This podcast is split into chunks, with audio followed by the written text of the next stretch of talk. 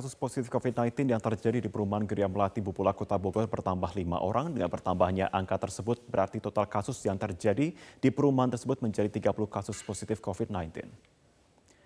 Wali Kota Bogor Bima Arya menyatakan penambahan jumlah kasus 5 yang terkonfirmasi COVID-19 tersebut berasal dari tes swab antigen yang dilakukan oleh 55 warga yang memiliki kontak erat. Dari 32 warga yang sudah keluar hasil tesnya, 5 warga dinyatakan positif COVID-19 dan harus menjalani masa isolasi mandiri.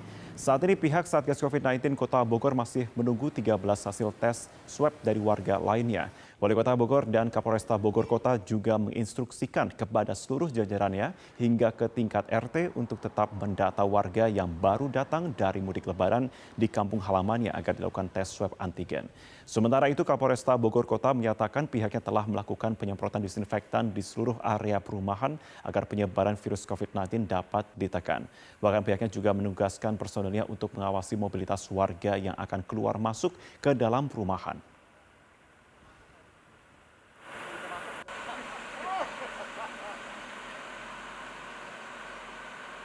Bagaimana langkah tegas Satgas COVID-19 Kota Bogor guna menekan semakin menyebarnya kasus COVID-19 di lingkungan perumahan yang terjadi pasca lebaran kali ini? Kita tanyakan langsung kepada Ketua Satgas Penanganan COVID-19 Kota Bogor yang juga Wali Kota Bogor Bima Arya. Selamat siang Kang Bima, sudah bergabung bersama kami?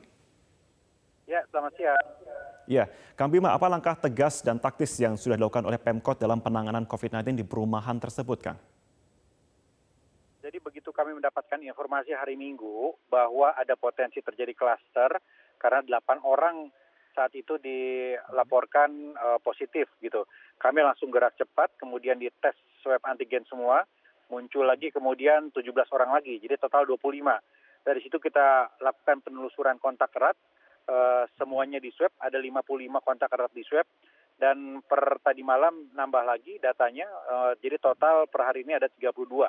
Ya mudah-mudahan tidak bertambah karena seluruh kontak erat sudah dilakukan swab antigen dan kami langsung mengisolasi perumahan itu uh, dijaga ketat tidak bisa keluar masuk sembarangan kecuali keperluan darurat. Dan masjid yang ada juga untuk sementara uh, tidak bisa digunakan. Dan kita drop vitamin obat-obatan dan semua uh, dan satgas atensi khusus ya sampai kemudian semuanya negatif kembali. Bima, kami konfirmasi masih ada 13 orang yang masih ditunggu hasil tesnya, betul? Uh, sudah, jadi uh, per tadi malam itu yang 55 sudah keluar. Nah, sisanya itu tidak terkait dengan klaster di Gria Melati. Jadi dalam catatan kami yang sekitar klaster Gria Melati ini ya sudah dilakukan swab antigen dan swab PCR semua. Baik, uh, warga di perumahan tersebut apakah uh, terindikasi ada gejala yang lebih berat atau semuanya OTG, Kang Bima? Uh, ada gejala semua. Jadi mual-mual, demam, Eh, kehilangan penciuman begitu. Tapi menurut observasi tim medis masih memungkinkan untuk diisolasi di rumah saja. Jadi belum dibawa ke penampungan. Kecuali ada satu marbot penjaga masjid yang uh, kita uh, perlu untuk melakukan hmm. sterilisasi terhadap masjid karena itu dipindahkan dulu untuk sementara di tempat isolasi mandiri kami. Baik. Kang Bima melihat saat ini juga sudah mulai masa mobilitas warga yang sudah mulai kembali dari kampung halaman atau menuju ke lokasi lain. Apakah Pemkot sudah mendata kembali mobilitas warga saat Idul Fitri kemarin dengan metode 3T? Eh, kita perkuat PPKM Mikronya. Jadi di Satgas di RT, RW, Polisi Siaga, semua kita pastikan sistemnya berjalan. Jadi siapa pun warga, baik warga Bogor yang pulang atau tamu, dari luar kota ini wajib untuk dilakukan swab antigen di puskesmas. Apabila positif langsung diisolasi di tempat isolasi khusus. Apabila negatif tetap dikarantina di rumah kediaman untuk sementara selama lima hari. Tim gabungan gugus tugas dari Polri, TNI, dan Dinas Kesehatan menyisir rumah-rumah warga yang kedapatan telah kembali usai melakukan perjalanan mudik. Rumah warga yang didatangi petugas berada di Kecamatan Cibarusah, Kabupaten Bekasi, Jawa Barat. Saat mendatangi rumah, petugas melakukan tes swab antigen gratis. Kegiatan ini pun mendapatkan respon baik dari warga, bahkan beberapa warga antusias meminta dirinya untuk diswab. Para warga senang dan merasa terbantu dengan adanya tes secara gratis dan didatangi ke rumah. Tim gugus tugas Kecamatan Cibarusa menghimbau kepada warga yang belum tiba di kediamannya dari mudik agar nantinya bisa proaktif untuk mendatangi pusat kesehatan masyarakat untuk dilakukan tes swab antigen. Hal ini guna untuk sesegera mungkin agar bisa memutus mata rantai penyebaran COVID-19 adalah melakukan pemeriksaan swab antigen secara gratis bagi para warga Kecamatan Cibarusah yang baru pulang dari kampung halaman untuk melakukan kegiatan pekerjaan sehari-hari di sini.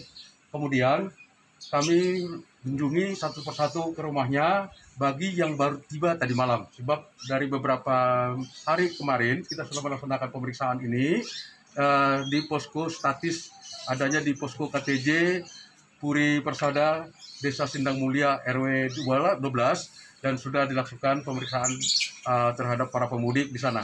Namun demikian, masih ada beberapa pemudik maupun warga kita yang baru pulang uh, berekreasi dari tempat-tempat keramaian, maka kita lakukan pemeriksaan tes swab antigen secara gratis arus balik jalur selatan masih diramaikan pemudik yang akan pulang ke Jabodetabek pada Kamis pagi ini. Sementara itu dari hasil tes acak antigen, satu orang pemudik dinyatakan positif COVID-19.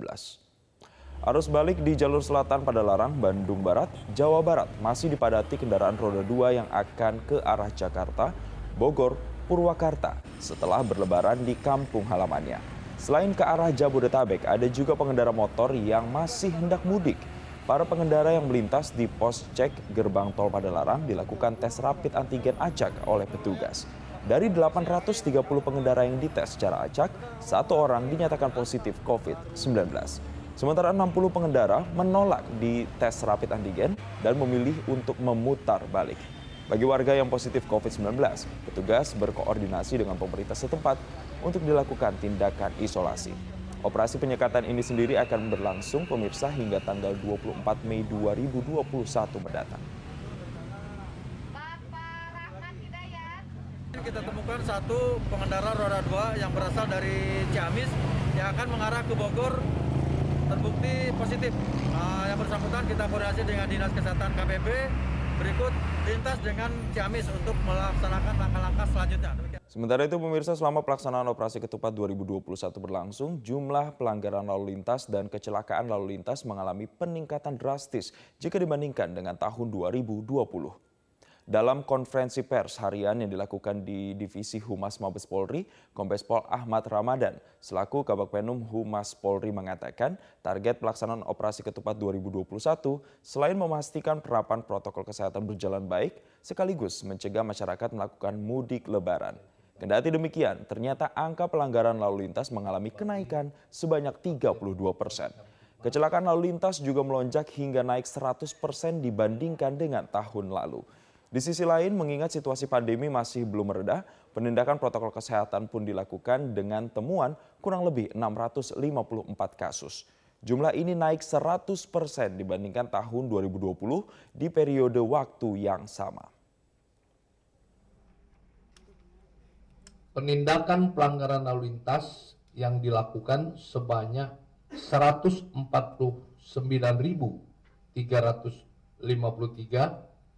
atau mengalami kenaikan sebanyak 32 persen dari tahun lalu, tahun 2020. Tahun lalu sebanyak 113.088 kasus. Yang kedua, kecelakaan lalu lintas selama operasi sebanyak 1.291 kejadian atau mengalami kenaikan sebanyak 100 persen dari tahun lalu. Tahun lalu sebanyak 500 66 kejadian. Terdakwa Rizik Syihab dijadwalkan akan membacakan nota pembelaan atau pledoinya terhadap tuntutan jaksa penuntut umum dalam sidang perkara kasus kerumunan di Petamburan, Jakarta Pusat dan Mega Mendung, Kabupaten Bogor di Pengadilan Negeri Jakarta Timur siang hari ini. Dan untuk informasi selengkapnya kita akan bergabung dengan Nisrina Kirana langsung dari Pengadilan Negeri Jakarta Timur. Selamat siang Nisrina, bisa Anda jelaskan bagaimana jalannya sidang pembacaan nota pembelaan terdakwa Rizik Syihab Syihab hari ini. Dan apa saja poin-poin yang disampaikan dalam nota pembelaannya? Hari ini sidang lanjutan terdakwa Rizik Syihab terkait dengan kasus kerumunan di Petamburan dan juga dan juga Megabendung Kabupaten Bogor dengan agenda pembacaan nota pembelaan atau pledoi kembali digelar di uh, Pengadilan Negeri Jakarta Timur dan tadi sidang sudah dimulai sekitar pukul 9.55 waktu Indonesia Barat. Hari ini sidang dipimpin secara langsung oleh Ketua Majelis Hakim Suparman Yompa bersama dengan Hakim anggota satu dan Hakim anggota dua lainnya dan sidang digelar dengan penerapan protokol kesehatan secara ketat yang mana untuk terdakwa Rizik Syihab hari ini didatangkan secara langsung ke dalam pengadilan dan untuk pembacaan nota pembelaan tadi juga disampaikan secara langsung oleh Rizik Syihab dengan sejumlah uh, poin yang tadi juga disampaikan bahwa dalam uh, pembacaan nota pembelaan tersebut, Rizik Syihab menilai bahwa kasus ini uh, merupakan hasil perjalanan panjang dari upaya balas dendam yang dilakukan oleh oligarki dan operasi intelijen tingkat tinggi atau yang tadi disebutnya dengan intelijen hitam. Tadi Rizik Syihab menyebut bahwa upaya kriminalisasi terhadapnya ini dimulai pada uh, saat kontestasi politik beberapa tahun lalu pada pilkada uh, pemilihan gubernur yang mana salah satu calon gubernurnya ya ini uh, Basuki Cahayapurnama atau Ahok kalah dan kemudian masuk penjara terkait dengan kasus uh, penistaan agama dan setelah uh, adanya ad, insiden tersebut menurutnya Hal ini yang membuat oligarki terus berupaya untuk melakukan kriminalisasi terhadap dirinya dan Front Pembela Islam, yaitu ormas yang berada di bawah uh, naungannya. Dan saat itu melihat kondisi uh, di Indonesia yang merasa dirinya saat itu uh, tidak kondusif, dirinya bersama keluarga ini memutuskan untuk hijrah ke Mekah dalam rangka untuk menenangkan kondisi dan juga e, merasa lebih aman ketika berada di Mekah sehingga dirinya bersama dengan keluarga ini mengambil visa izin tinggal selama satu tahun. Namun selama satu tahun tinggal di Mekah e, dirinya e, sempat beberapa kali memutuskan untuk e, mencoba kembali ke Jakarta atau ke Indonesia, namun e, dirinya merasa dilarang atau e, seperti dikucilkan begitu selama di Mekah karena eh, beberapa kali dirinya bersama keluarga mencoba untuk kembali pulang ke Indonesia namun uh, dihalang-halangi dengan dalih adanya pencekalan terhadap dirinya. Dan namun setelah uh, satu tahun upaya Rizik Syihab bersama dengan keluarga untuk kembali ke Indonesia uh, terjadi pada tanggal 10 November kemarin yang mana inilah menjadi cikal bakal Rizik Syihab uh, tersandung terkait dengan kasus eh, kerumunan yang terjadi mulai dari bandara, Petamburan hingga Megamendung dan saat itu terkait dengan kasus ini Rizik Syihab sempat dipanggil oleh pihak kepolisian selama dua kali untuk diperiksa terkait saksi uh, terkait dengan kasus kerumunan yang ada di Petamburan dan juga Megamendung. Namun dari uh, pernyataan Rizik Syihab tadi mengaku bahwa selama dua kali dipanggil tersebut Rizik Syihab sedang menjalani perawatan karena terpapar COVID-19 sehingga tidak dapat memenuhi panggilan dari pihak kepolisian dan uh, yang disayangkan oleh pihak Rizik Syihab sendiri kemudian pada tanggal 9 Desember 2020 Rizik Syihab ini langsung ditetapkan sebagai tersangka dalam kasus kerumunan yang terjadi di Petamburan dan juga Megamendung tanpa adanya uh, pemeriksaan terlebih dahulu terhadap dirinya. Hal ini disayangkan oleh Rizik Syihab, namun uh, apabila kita melihat fakta-fakta di pengadilan, tentunya pernyataan uh, Rizik Syihab dengan fakta-fakta yang ditemukan oleh hakim ataupun jaksa terlihat kontradiktif dengan fakta-fakta yang ditemukan di pengadilan. Sementara demikian, uh, Sarah saat ini proses uh, pembacaan pleido masih terus berlanjut. Kita akan mendengar uh, apa saja yang kemudian masih akan disampaikan oleh Rizik Syihab terkait dengan pembelaannya dalam kasus kerumunan yang terjadi di Petamburan dan juga di Megamendung.